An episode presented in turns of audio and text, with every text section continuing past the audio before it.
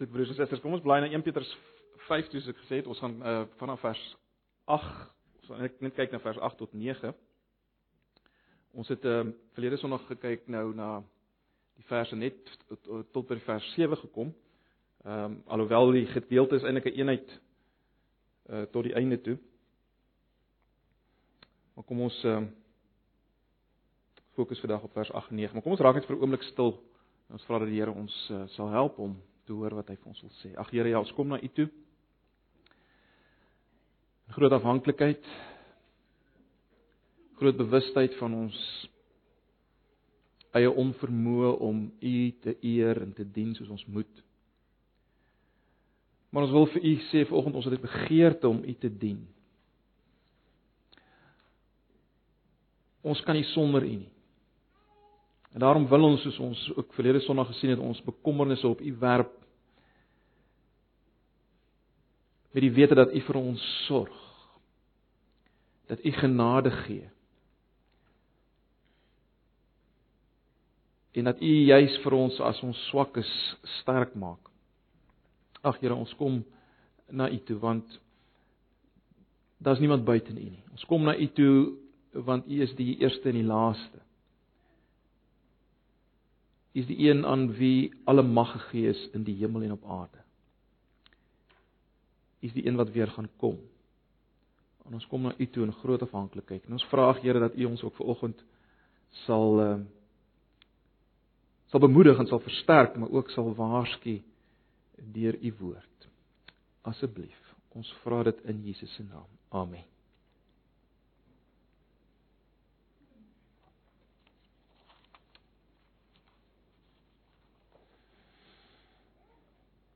Goed, ons lees net uh, vanaf vers 8 van 1 Petrus 5. Ek lees maar die uh, 53 vertaling.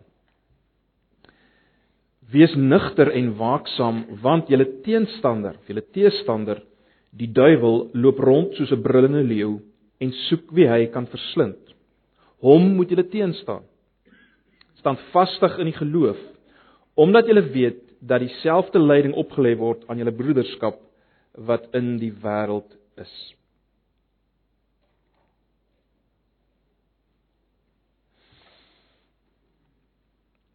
Die baie bekende skrywer, julle almal ken hom sekerlik, C.S. Lewis, het op 'n stadium gesê daar is twee groot maar teenoorgestelde foute wat 'n mens kan maak as dit kom by die duiwel en sy demone of as dit kom in ons hele denke oor die duiwel en sy demone. Daar's twee groot maar teenoorgestelde foute wat ons as mense kan maak. Die een is om nie te glo in die bestaan van die duiwel en sy demone nie. Die ander een sê Loos is om daarin te glo, maar 'n soort van 'n oordrewe ongesonde belangstelling in hulle te hê. En uh Loos sê wel die duiwel is tevrede met albei. Hy hy beheer soos hy dit stel die materialis of die towenaar beheer hy met eweveel ba. En ek dink hierdie opmerking van van Loos is steeds van toepassing uh, vir ons vandag in die tyd waarin ons leef. En juist daarom uh is dit nodig dat ons kyk na wat sê die woord self, ons ons vaste standaard wat ons het vir lewe en vir denke. Wat sê die woord self? Wat sê God vir ons in die woord uh oor die duiwel en sy werk en hoe ons moet dink daaroor? Nou hierdie gedeelte wat ons gelees het in 1 Petrus sê nie alles wat moet gesê word oor die duiwel en sy werk nie. Maar ek dink tog hier is 'n jy word geweldig 'n uh, geweldige belangrike dinge gesê en en genoeg om om om iets raak te sien van wie hy is en wat ons stryd teen hom behels uh wat ons nodig het ook in die tyd waarin ons leef. Want ons kry hier 'n siening van die duiwel en van hoe ons hom moet hanteer wat deurslaggewend belangrik is vir ons wat soos Petrus se lesers lewe in die sogenaamde laaste dae, die tyd voor die Here Jesus kom. Uh dit gee vir ons geweldig belangrike insig rondom hierdie hele saak.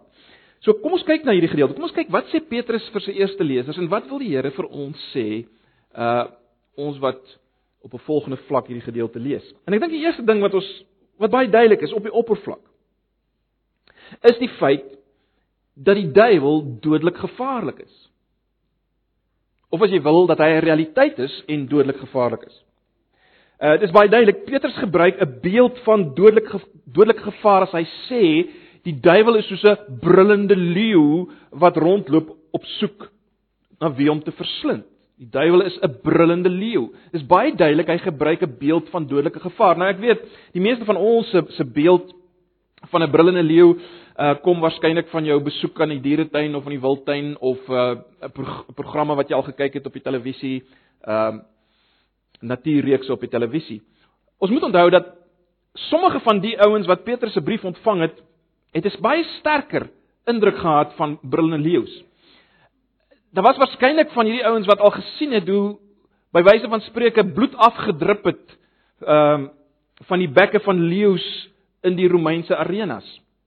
Uh dit het 'n sterker indruk gehad hiervan. En dit sou nie lank wees terloops. Dit sou nie lank wees voor voordat van hulle dit eerstens sou, sou beleef nie. So dit is 'n gewellige, dis gewellige sterk beeld wat hy gebruik. Natuurlik kom hierdie beeld ook al uit die Ou Testament uit.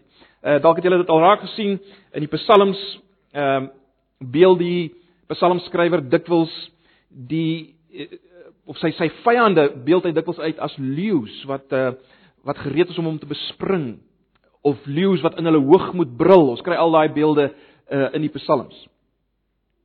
As Paulus sê die brullende leeu is op soek om te verslind. Verslind is 'n baie sterk begrip. Ehm uh, letterlik as mens gaan kyk na die woord, beteken dit om af te af te sluk. Ek meen jy jy kan nie meer die die uiteinde van alles uh, uitbeeld nie, nê, nee, in die, in die geweldige wreedheid uitbeeld. Baie belangrik egter Paulus, ag uh, Petrus skryf nie hier bloot uh oor die gevaar van letterlike leeu's in die arena nie. Hy skryf ook nie oor die gevaar van mense wat hulle kan uh, aankla by die owerhede sodat hulle uiteindelik daar gaan beland nie. Wat Petrus wil wys is dat agter alles van die kultuur waarin hulle self bevind beweeg die Satan as te ware. Mens kry die beeld baie sterk in in in Efesiërs 2 vers 1 tot 3 as Paulus eintlik wys dat uh die mense vir wie hy skryf, hy sê toe toe julle nog nie gered was nie, het julle geleef soos die wêreld wou gehad het of julle julle ja, geleef soos die wêreld rondom julle. En julle is eintlik gelei deur die die vors van die bose magte wat agter die wêreld sit. Toe julle net geleef het vir julle eie begeertes. En en wat Petrus hier sê is dat hierdie brullende leeu is teenwoordig. Agter alles wat jy beleef, is hy daar, maar baie belangrik, Petrus wys hy hy loop rond soos 'n brullende leeu op soek.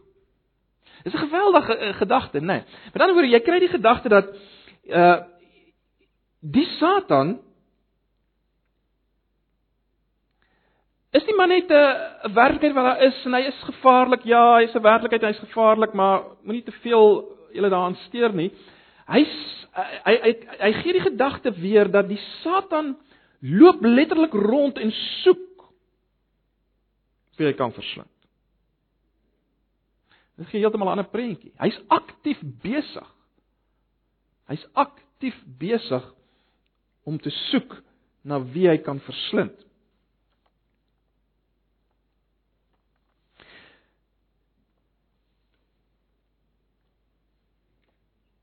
Die belangrikste vir nou, ons sal net ou meer sê oor wat bedoel hy met hierdie verslind of waarskynlik met hierdie verslind. Ek dink die belangrike ding is om net heel aan die begin hier raak te sien is dat Petrus wil baie duidelik hê deur hierdie beeld wat hy gebruik, wil hy hê sy lesers moet verstaan dat die duiwel, die Satan is so werklik en so gevaarlik soos die leeu's wat hulle van bewus is in die arenas. Ek dink dit is die groot ding. Die Satan is so werklik en so gevaarlik. En hy's nie onaktief nie, as ek dit so kan stel. Hy's aktief besig om hulle uit te soek. Maar wie is hierdie leeu? Wie is hierdie leeu? Wel, Petrus noem hom julle teenstander of julle teestander. Nou hierdie term is is natuurlik 'n 'n wetlike term met wetlike konnotasies en dit re reflekteer verseker die die Ou Testamentiese beeld van die Satan as 'n aanklaer voor die troon van God. Uh die, die hele gedagte van die duiwel as 'n aanklaer of die Satan as 'n aanklaer kry mens byvoorbeeld in Job, ja, julle ken almal Job in die boek Job verskyn Satan as 'n hemelse aanklaer. Uh mens kry ook daar die die die, die indruk dat hy beweeg as te ware oor die aarde rond uh om getuienis in te win, maar hy wil nie getuienis inwin in sy ywer dat geregtigheid sal geskied nie. Wat hy wil doen is om God se woord as te ware in diskrediet te bring. Dis die gedagte wat ons alreeds daar kry. Interessant daar in in Job uh, is dit asof Satan nog in die in die hemelse howe toegelaat word. Hy het amper 'n werk daar, as ek dit so kan stel. Hy's daar. Onthou dit in gedagte. Maar goed, in Job kry ons met ander woorde hierdie gedagte van die Satan as 'n teestander, as 'n aanklaer. Ek sê weer dis 'n soort van 'n wetlike term hierdie teestander wat mense kan dit eintlik met aanklaer ook uh, ook uh, vertaal as jy as jy wou. In in die in Sagaria sien ons dat uh, die Satan staan langs die hoëpriester Sagaria om hom aan te kla en uiteindelik bestraf die engel van die Here om is 'n gewellige aangrypende gedeelte gaan lees maar weer in Sagaria. Uh maar mens kry dit daar en dan natuurlik in die Nuwe Testament word Satan eksplisiet ook die aanklaer genoem. Hy word eksplisiet die aanklaer genoem. Luister net na Openbaring 12 vers 10.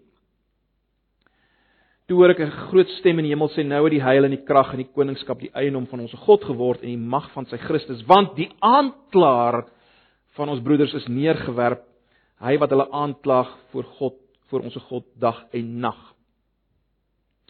So daar kry ons eksplisiet die term aanklaer. Ek sal nou weer verwys na hierdie gedeelte. Wat ons moet raak sien is dat die die duiwel Satan wil wil baie duidelik eintlik vir God self bykom, né? Nee, dis pas baie duidelik dat dit sy doelwit is om God as te ware self by te kom. Hy hy kan hy kan God nie by, bykom nie. Hy kan God nie regtig direk aanraak nie en daarom raak hy God se skepsels aan. Ons sien dit alreeds by by die eerste Adam, né, nee, by Adam. Uh hy wil hy wil Adam teen God laat draai. En dan sien ons uiteindelik die Satan in al sy subtiliteit en in al sy vaardigheid sien ons hom as hy te staan kom teen die laaste Adam, Jesus, né? Nee. Uh 'n mens kan amper sy gretigheid aanvoel om Jesus te laat val en Jesus te laat misluk in dit waarvoor hy gestuur is. Dis die indruk wat jy kry in die Nuwe Testament, 'n geweldige indruk van stryd.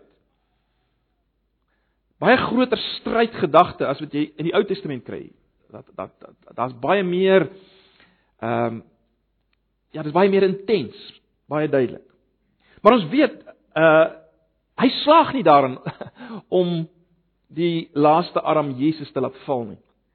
En uh, om hom teen God te laat draai soos die eerste arm. Hy misluk. Mens dink maar net aan die versoeking in die woestyn, nê, waar Jesus versoek is nie soos die soos die eerste arm onder ideale omstandighede nie, maar onder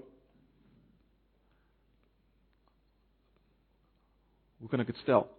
Uh baie erger toestande, 'n gevalle wêreld in die woestyn en so meer. In daai situasie misluk die Satan om Jesus te laat val. Uh en deur Jesus se hele bediening slaag hy nie daarin nie. Jesus self sal julle weet op 'n stadium verwys na die sogenaamde sterk man wat hy eers moet bind voor hy sy goed kan vat. En dit is baie duidelik dat Jesus praat van die Satan wat as te ware gebind is deur die koms van Jesus. En wat is die die vat van sy goed? Waarna verwys Jesus wel? Die Jesus het duiwels uitgedryf, mense bevry. Tot en met Jesus gekom het, was dit nie die geval nie. Onthou Jesus ag uh, uh, die Satan word ook deur Paulus genoem die god van hierdie wêreld. Voordat Jesus gekom het, uh, was hy as te ware alleen heerser oor die nasies. Maar dan kom Jesus en die sterk man word gebind. Natuurlik het die Satan gedink dat hy 'n gewellige oorwinning behaal uiteindelik as Jesus sterf aan die kruis. Maar ons weet, ons het al baie daaroor gepraat dat dit juis aan die kruis is waar waar God die groot oorwinning behaal. Dit wat die Satan dink is 'n geweldige oorwinning. Dit wat lyk soos 'n geweldige negatief, 'n minus, kom God en hy hy deurkruis dit. Hy maak dit die grootste positief van alle tye. Hy hy sonder dat die Satan dit as te ware weet, word hy ingeskakel vir die grootste oorwinning ooit. So dis wat ons sien in in in die Nuwe Testament. Baie belangrik, aan die kruis word die Satan verslaan. As baie gedeeltes wat hieroor praat. Uh Jesus in Johannes 12 vers 31 en 32 sy praat oor sy kruisiging wat kom, dan sê hy uh nou het die oordeel van die wêreld gekom, nou sal die owerste van hierdie wêreld uitgegooi word na buite. Dis soos hy dit stel. Let let let wel hoe stel hy dit? Nou sal die owerste van hierdie wêreld. Wie's dit? Dis die Satan. Uitgegooi word na buite.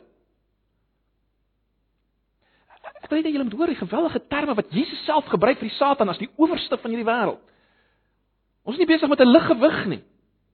Maar Jesus sê met sy kruisiging hierdie owerste van die wêreld gaan uitgegooi word na buite.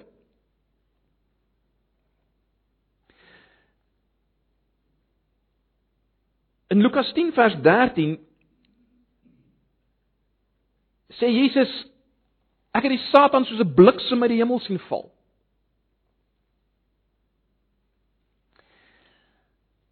Openbaring 12 wat ons nou net gesien in vers 10 word daar gesê van die aanklaer van die broeders is neergewerp. Gaan lees die hele Openbaring 12. Dit is die gedagte wat my kry met die met die met die kruis van Jesus het die Satan is die Satan as te ware uitgewerp. Dit lyk dit lyk asof hy in die Ou Testament nog 'n posisie gehad het, soos in Job.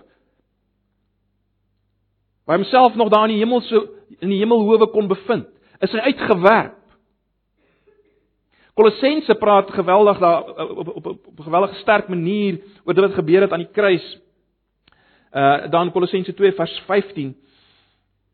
As daar staan dat Jesus het elke mag en gesag ontwapen en hulle in die openbaar vertoon deur hulle as gevangenes in sy triomftog mee te voer. Dis Kolossense 2 vers 15. Dis wat gebeur het. Met ander woorde, mense kry baie duidelik hierdie beeld in die Nuwe Testament. Deur dit wat Here Jesus gedoen het aan die kruis. Eerstens deur sy koms, ook deur sy kruisiging finaal is die Satan het die is die Satan as te ware neergewerp. Maar in dieselfde Openbaring 12 as jy bietjie verder lees in vers 13 dan lees ons dat toe die Satan neergewerp is het hy begin om die vrou dis maar die verwysing na die kerk as mens nog kyk na die hele gedeelte het hy begin om die vrou te vervolg, vuriglik te vervolg. En dan word daar natuurlik beskryf hoe in tipiese openbaring taal hoe God die vrou in die woestyn beskerm en so meer, maar die punt is die punt is en dis wat ons moet raak sien en dis dis die agtergrond wat lê agter Petrus. Die punt is ja, die die Satan is verslaan aan die kruis. In die sin dat sy sy mag gebreek is, sy sy posisie het totaal verander as te ware, maar hy vervolg nou die kerk. Hy's dodelik gevaarlik soos 'n brullende leeu. Verseker gaan hy nie finale oorwinning behaal nie. Dis baie duidelik. Hy is verslaan in daai sin, maar hy's dodelik gevaarlik en hy vervolg die kerk. Om om dit so te stel, hy's soos 'n gekweste leeu gekweste leeu wat eintlik gevaarliker is as 'n gesonde leeu in 'n sekere sin. Hy's gekwes. Of uh ons weet uh, die gebied as as mens kom by by lande wat met te mekaar oorlog voer ensovoorts 'n land wat seer gekry het is baie gevaarliker. Mens dink maar aan aan Duitsland na die Eerste Wêreldoorlog wat teruggekom het in die Tweede Wêreldoorlog, gevaarliker. Daar's ander voorbeelde wat ons ook kan noem. So so die belangrike ding is om om dit raak te sien. Dis wie die duiwel is. Hy's hierdie hy's hierdie teenstander, teestander. Hierdie aanklaer wat steeds dodelik gevaarlik is ten spyte van die oorwinning wat behaal is op Golgotha. Is hy dodelik gevaarlik en hy's hy's gerig sy fokus is op ons, hy soek om ons te verslind Hy's ons teenstander. Wat wil hy doen? Wat wil hy doen? Wel, Ons het nou alreeds mekaar gesê, hy hy hy vervolg die kerk. Openbaring 12 vers 13. Hy het al sy woede nou gedraai teen die kerk want hy kan nie uh, Jesus self meer in die hande kry nie, né? Uh toe hy uh, toe Jesus op aarde was, was hy was al sy woede gerig teen Jesus. Nou is dit gerig teen teen die kerk, die die liggaam van Christus op aarde. En hy doen alles, vanaf die vermomming van 'n engel van die lig tot die vuur van brandstapels, doen hy om God se kinders by te kom. En Petrus gebruik die die term verslind waarna ons nou net verwys het. Maar wat sou dit beteken geestelik gesproke dat hy ons wil verslind? Wel, ek dink as mens kyk na die res van die Nuwe Testament, is dit wat die duiwel ten diepste wil doen. Hy wil hê dat gelowiges hulle geloof moet verloon. Hy wil hê dat gelowiges hulle geloof moet verloon. Kyk net 'n bietjie na 'n baie interessante gedeelte Lukas 22. Miskien kan julle saam met my so intoe bly. Lukas 22 uh vers 31 en 32. Lukas 22 vers 31 en 32.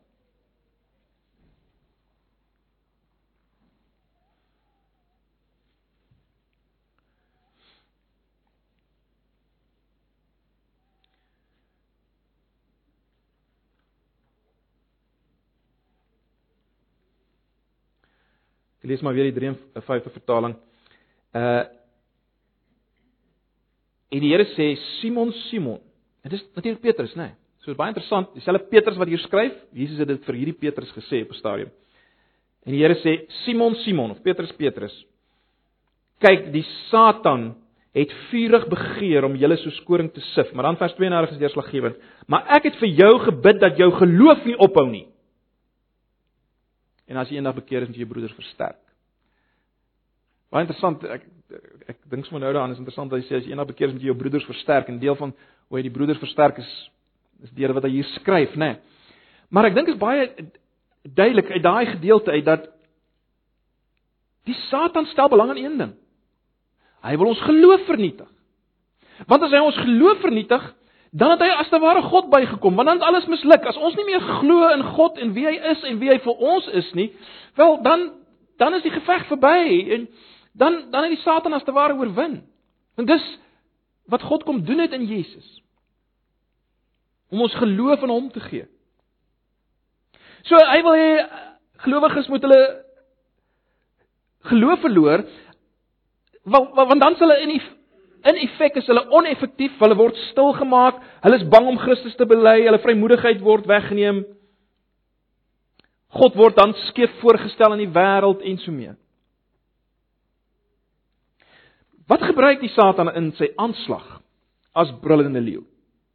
Wat gebruik hy om ons te verslind of dan ons geloof uh te laat ophou 'n slag toe te dien. Wat gebruik hy wel? Mense kan nou baie daaroor praat en en uh baie dinge kan genoem word. Ek wil net net net enkele dinge uitlig. Ek dink ons moet begin om vir mekaar te sê ons moet onthou dat Jesus self noem die duiwel die vader van die leuen. So hou dit in gedagte. En en dan moet ons natuurlik in gedagte hou dit wat ons al reeds in 1 Petrus gesien het. En net in die vorige gedeelte gesien het. En as ons dit in gedagte hou, dan kan ons 'n paar dinge sê oor oor wat die Satan wil doen. En as ons nou in gedagte hou verlede Sondag se gedeelte, dan moet ons sê die as vader van die leuen wil die duiwel hoogmoed of selfgenoegsaamheid by ons laat posvat. Onthou dis die dis die sonde waarteen Paulus, ag Paulus Petrus as te ware gewaarsku het toe hy ons opgeroep het tot nederigheid in die vorige gedeelte. Jy sien die duiwel wil hê jy moet dink jy is die belangrikste en die grootste. Hy hy wil hê jy moet dit dink. Hy hy sal alles doen om jou te laat goed voel oor jouself. En te laat dink jy is die belangrikste en die grootste. Hy sal alles in sy vermoë doen dat jy jou nie moet onderwerp aan God nie. Per definisie dat jy nie moet glo nie. Want wat is geloof? Geloof is per definisie om my te onderwerp aan God. Om te sê ek het niks, ek kan niks, U is alles, U kan alles. Dis geloof. So hoogmoed en geloof kan nooit saamloop nie. En daarom sê ek, die groot wapen wat of, of die groot tegniek wat hy gebruik is om gelowiges te verlei tot hoogmoed, as ek dit so kan stel. selfgenoegsaamheid, want dan weet hy vernietig hy geloof. Per definisie vernietig hy geloof. Anders gestel, hy wil hê jy moet op enigiets anders vertrou as Jesus alleen. Enige iets, enigiets anders as Jesus alleen. Jou kennis van die Bybel, jou getrouheid in byeenkomste, jou selfgedissiplineerdheid, wat dit ook al mag wees. Dis baie subtiel. Hy wil hê jy moet op die punt is hy wil hê jy moet op enigiets anders vertrou as Jesus alleen. Hy wil hê jy moenie geloof hê in Jesus nie want geloof is daai afhanklikheid. Hy wil nie hê jy moet dit hê nie. So as jy vanoggend hier sit en jy voel baie goed oor jouself, by wyse van spreuke snif die duiwel as leeu aan jou.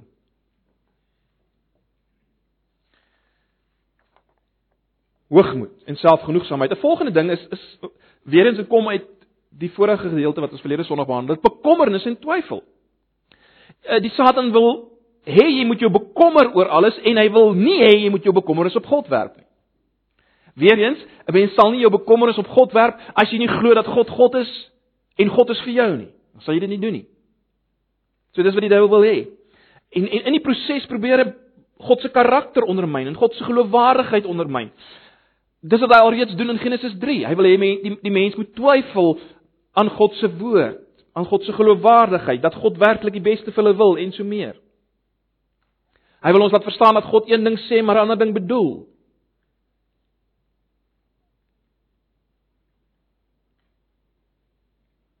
bekommernis en twyfel.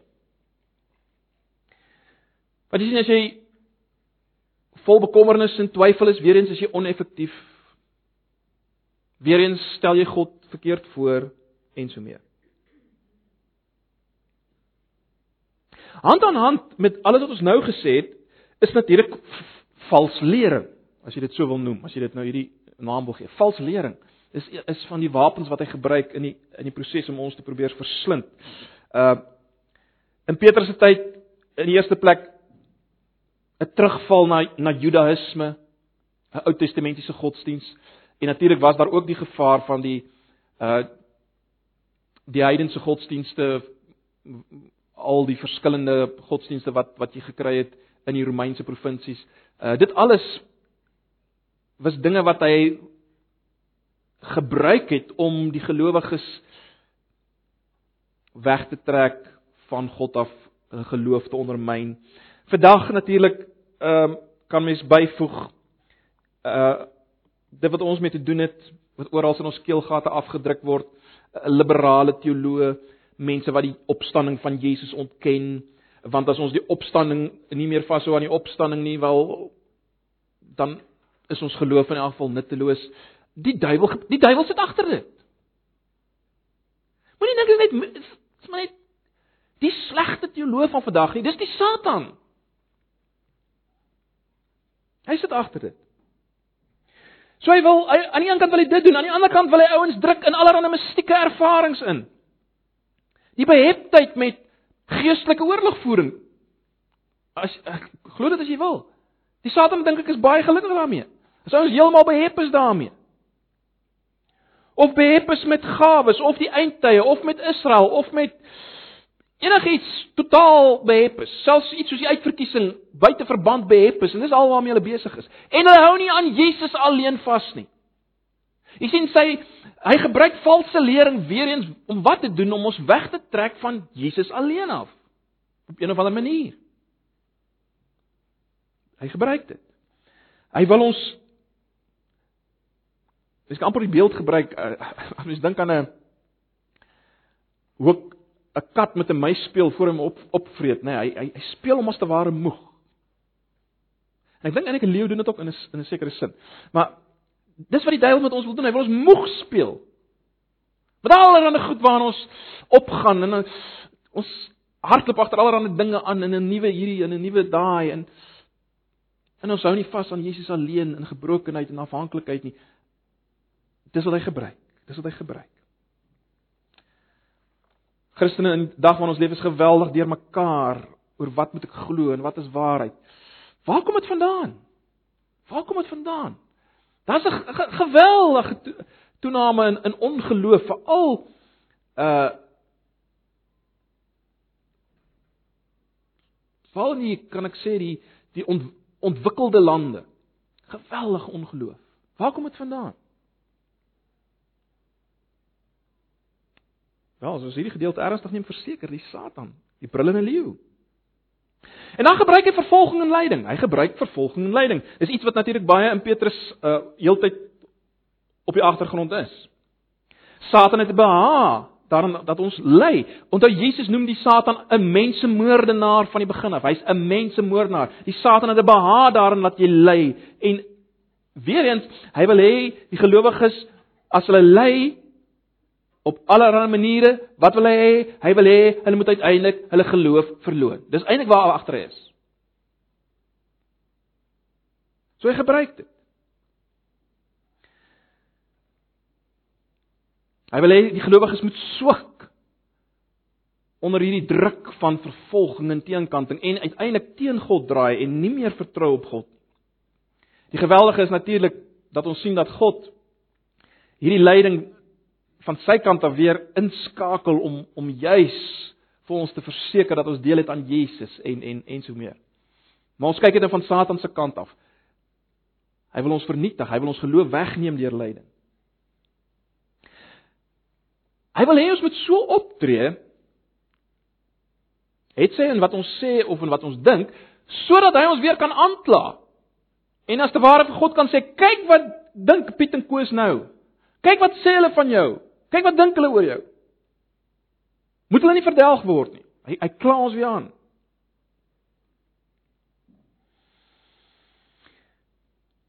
Laaste ding wat ek aanvanklik nie eers wou noem nie, maar natuurlik die, die Satan gebruik versoeking. Versoeking deur ons begeertes. Dis iets wat nogal sterk in die Nuwe Testament voorkom. Is die, is die, is die feit dat ons ons, ons word versoek deur ons begeertes wat as te ware in diens van die Satan gebruik word. Of die Satan wil ons begeertes as te ware gevange neem en dit gebruik om ons te versoek tot sonde. Hy gebruik dit. Hy gebruik dit. Hy wil hê jy moet val in sonde, want as jy val in sonde, weer eens uh, begin jy twyfel. Begin jy uh skaam raak vir God, begin jy wegbeweeg. So, so hy gebruik dit. Ons weet hy hy hy hy versoek ons.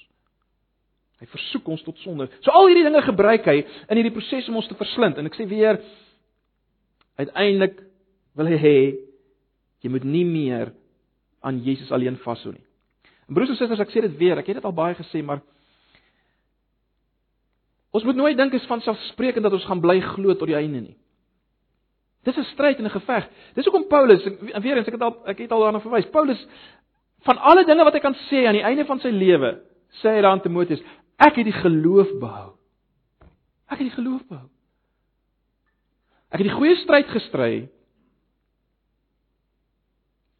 Ek het die geloof behou. Dis nie iets wat van selfsprekend is nie. Dis 'n stryd. En hoekom is dit 'n stryd? Onder andere is dit 'n stryd omdat daar 'n duiwel is. 'n Satan is wat ons geloof wil ondermyn. Wat rondloop en kyk, of hy dit kan verslind. Daarom is dit nie van selfsprekend dat jy gaan bly glo nie. Daarom kan jy nie maar as ware terugsit en sê ag wat hoef nie te veel tyd te spandeer met die Here en sy woord en gebed en so nie. Ek glo mos. Ag ek glo. Dis nie so van selfsprekend dat jy glo nie. Dis 'n geveg en dis 'n stryd en die duiwel wil dit vernietig. So dis baie belangrik dat ons dit moet raak sien. Maar goed, hoe moet ons die aanvalle van die Satan hanteer? Hoe moet ons dit hanteer? Nou, in die tyd waarin ons leef is daar geweldig baie boeke rondom hierdie goeters. En en en in, in baie van hierdie boeke kry mens die idee dat ons uh, moet allerlei mistieke tegnieke aanleer om die duiwel se aanvalle te hanteer. En as jy dit nie weet nie, dan gaan jy tweede kom. Jy moet allerlei mistieke dinge aanleer. En, en die vraag is, is is dit so? Moet ek byvoorbeeld die demone aanspreek? Moet ek sê vir die demoon van twyfel, luister demoon van twyfel, ek beveel jou om weg te gaan en my uit te los? Is dit wat die Bybel leer? Dat ons die demone moet aanspreek? In die naam van Jesus. Ons moet baie versigtig wees dat ons nie juis val in die slaggat waarvan C.S. Lewis praat nie, nie waar nie? Petrus gee Net twee duidelike opdragte. sien julle dit?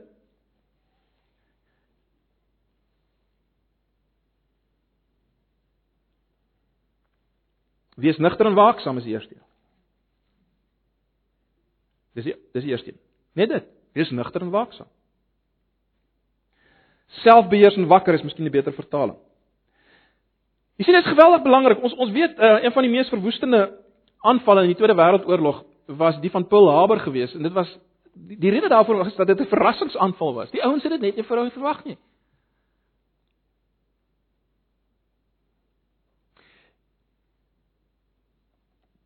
Petrus wil hê ons as gelowiges, die eerste ding wat belangrik is in ons stryd teen die duiwel is dat ons moenie dat hy ons ontkant vang nie. Deur verrassingsaanvalle nie.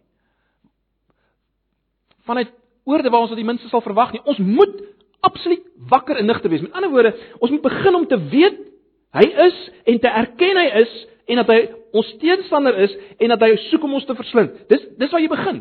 Raak bewus daarvan. Raak meer ingestel daarop. Ek het bevrees ons is nie ingestel daarop nie. En baie keer is dit is, is ons gereformeerdheid dalk 'n probleem in die in die geval. Ons dink ons is so uh, ons is so gereformeerd dat ons dink ag nee wat dit, dit, ons hoef nie eintlik te veg teen die duiwel en hy's nie eintlik gevaar nie want God is mos soewerein. Dis nie wat die Bybel leer nie. Ons moet die goed in balans hou soos die Bybel dit hou. So as ons nie verslaan wil wil word nie, wees nigter, wees wakker, wees selfbeheers en wakker en weet hy loop rond, hy is 'n werklikheid. Hy wil jou verslind. Gebruik jou verstand. Ondersoek dinge wat na jou kant toe kom. Leringe, gedagtes, idees, ondersoek dit.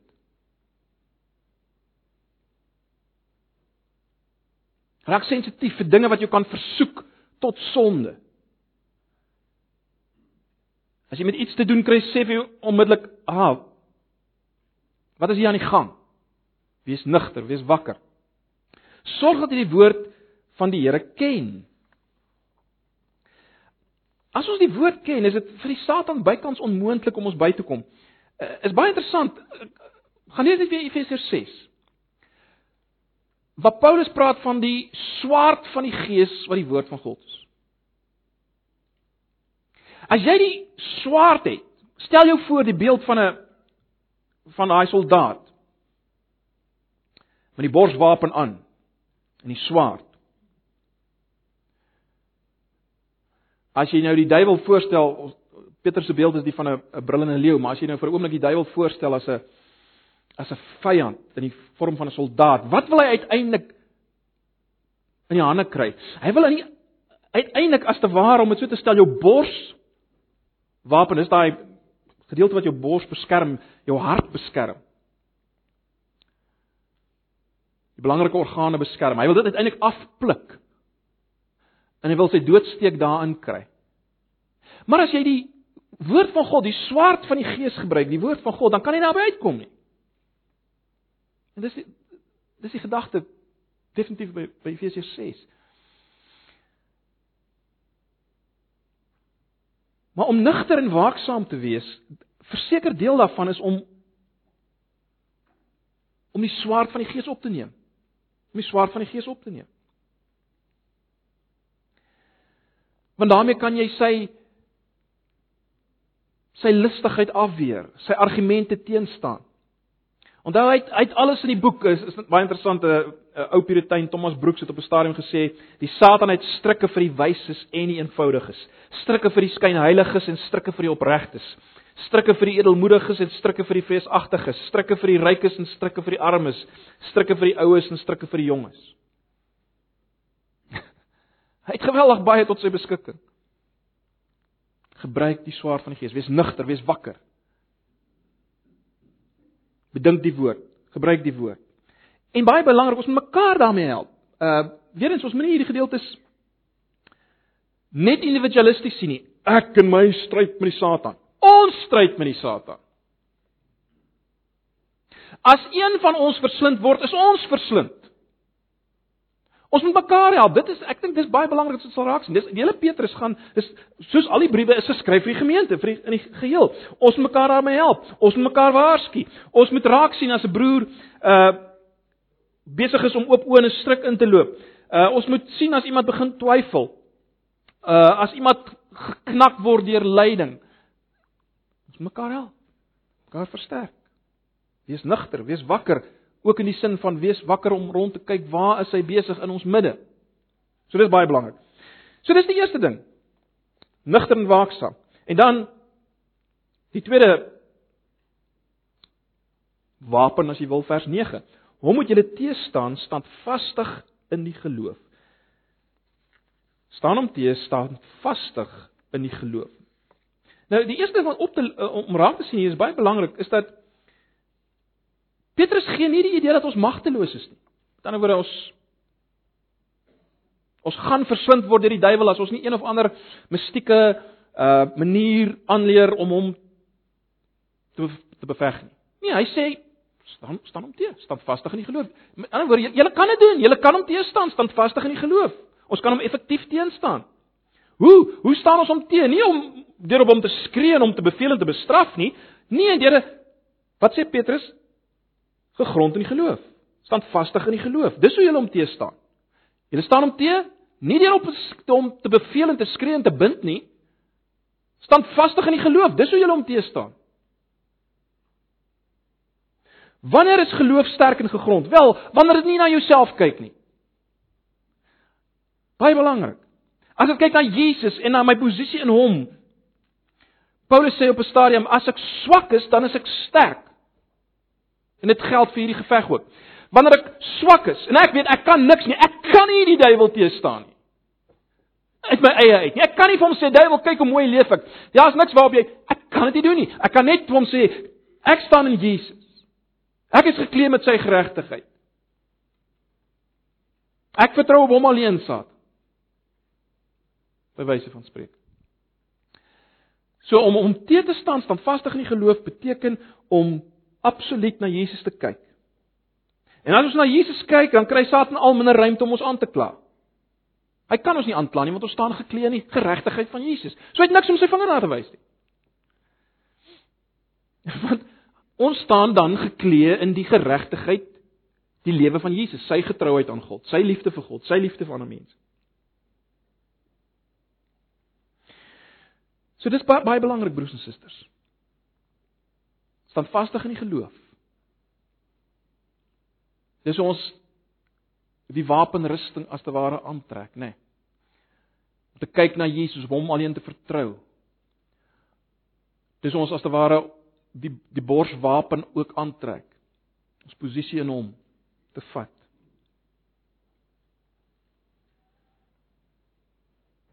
En natuurlik hoe hoe meer ek vashou aan hom en op hom vertrou, hoe minder gaan ek 'n behaag hê om te luister na versoekings en meegesleep te word. So in werklikheid gaan die duiwel ook minder dinge hê. Hy, hy hy gaan nie meer dinge hê om om sy vinger op te druk nie, want ek my behaag is in Jesus. Ek hou aan hom vas. Ek vertrou op hom. Ek kyk na hom. Ek is besig met hom. Maar goed. Dis die dis die dis die twee maniere waarop ons die duiwel beveg. En dan gee Petrus net in vers 9 gee hy vir ons 'n laaste bemoediging of aanmoediging of as jy wil energie vir die stryd net soos jy dit wil stel. Hy sê omdat julle weet dat dieselfde lyding opgelê word in julle broederskap wat in die wêreld is. Hoe help dit ons? Wel net vinnig 'n paar punte. Dit help ons om te weet dat ek is nie alleen in en geïsoleer in my stryd teen die Satan nie. My stryd is nie uniek nie. Oral oor die wêreld heen sukkel gelowiges daarmee. Hier en in Sirië en in Egipte en waar ook al sukkel almal daarmee. Verder meer deur hierdie vers 9 word ons daaraan herinner dat dieselfde band wat my bind met Jesus bind my ook met ander gelowiges. Ek is saam met hulle, ek is gebind aan hulle. Ek is saam in die familie van God dwars oor die wêreld, ek is gebind aan hulle. Verder meer word ons herinner daaraan dat lyding is inherënt aan Christelike geloof. Dis deel daarvan, dis deel van die pakket. Dis wat Petrus hier sê. Dis deel van die pakket, dis nie iets vreemds nie. En dan natuurlik behoort dit hoop in ons te stimuleer, né? Nee. Uh dit wys dat die einde is naby, die beloofde land is in sig as ek dit so kan stel. Ehm um, ons moet versterk word daardeur, bemoedig word. Hoe meer ons sien dat gelowiges aangeval word, hoe veller die stryd, hoe meer moet, moet ons hoop kry oor die feit dat dis tekens dat sy koms naby is. Uh Petrus het nie ver van hierdie verse af net hy gesê die einde van alle dinge is naby. Wees dan ingetoe en nugter en so meer. Net 'n laaste paar uh samevattende opmerkings. Na alles wat ons gesê het, broers en susters, die belangrike ding vanoggend om te weet is dat die duiwel is 'n realiteit. Dis 'n realiteit en hy's 'n gevaarlike realiteit. En hy's 'n aktiewe realiteit.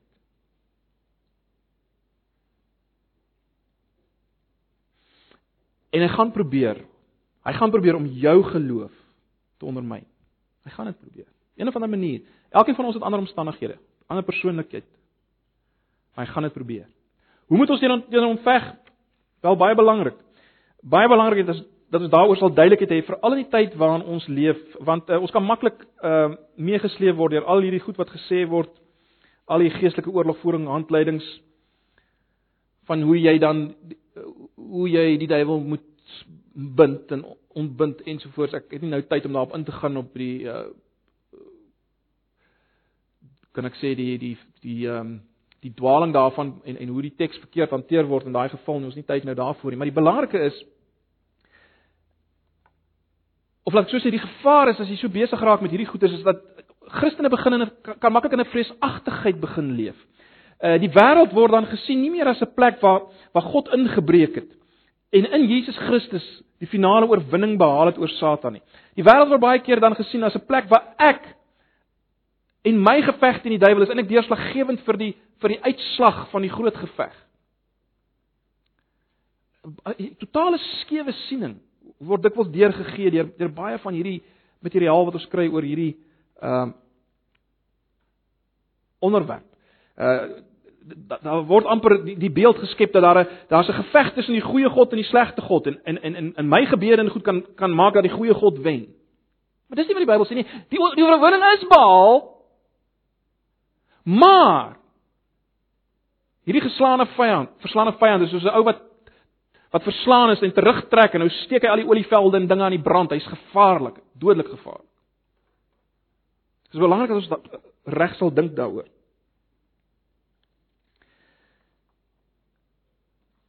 Ek dink wat ons sien in 1 Petrus 5 vers 8 en 9 is dat die geveg teen die duiwel gaan nie so seer oor aangeleerde vaardighede nie.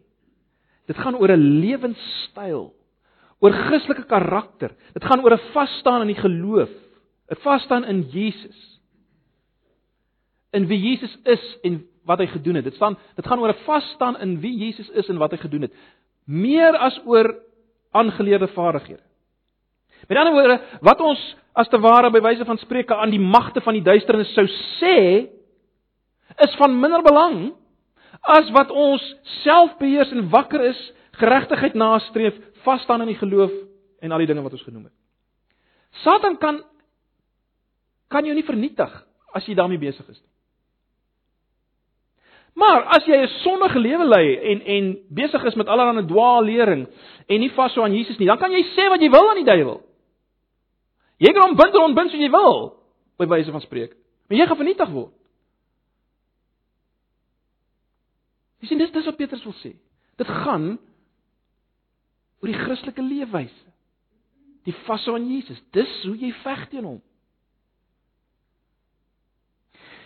As ons 1 Petrus 5 vers 9 vergelyk met Jakobus 4 vers 7 waar waar ehm ehm waar dieselfde gedagte voorkom en en ons hou 'n gedagte Efesiërs 6 en ons hou in gedagte hoe Here Jesus met die duiwel gewerk het tydens sy versoeking in die woestyn. As ons na al daai gedeeltes kyk, dan dink ek kan ons met vrymoedigheid sê dat ons kry nie in die Bybel voorskrifte om die Satan te bestry anders as om hom bloot te te staan met die mag van God se woord, staan vastig in die geloof met 'n goeie gewete en toewyding aan die waarheid. Ons kry nie iets anders in die geveg teen die Satan. Ons geveg om staande te bly.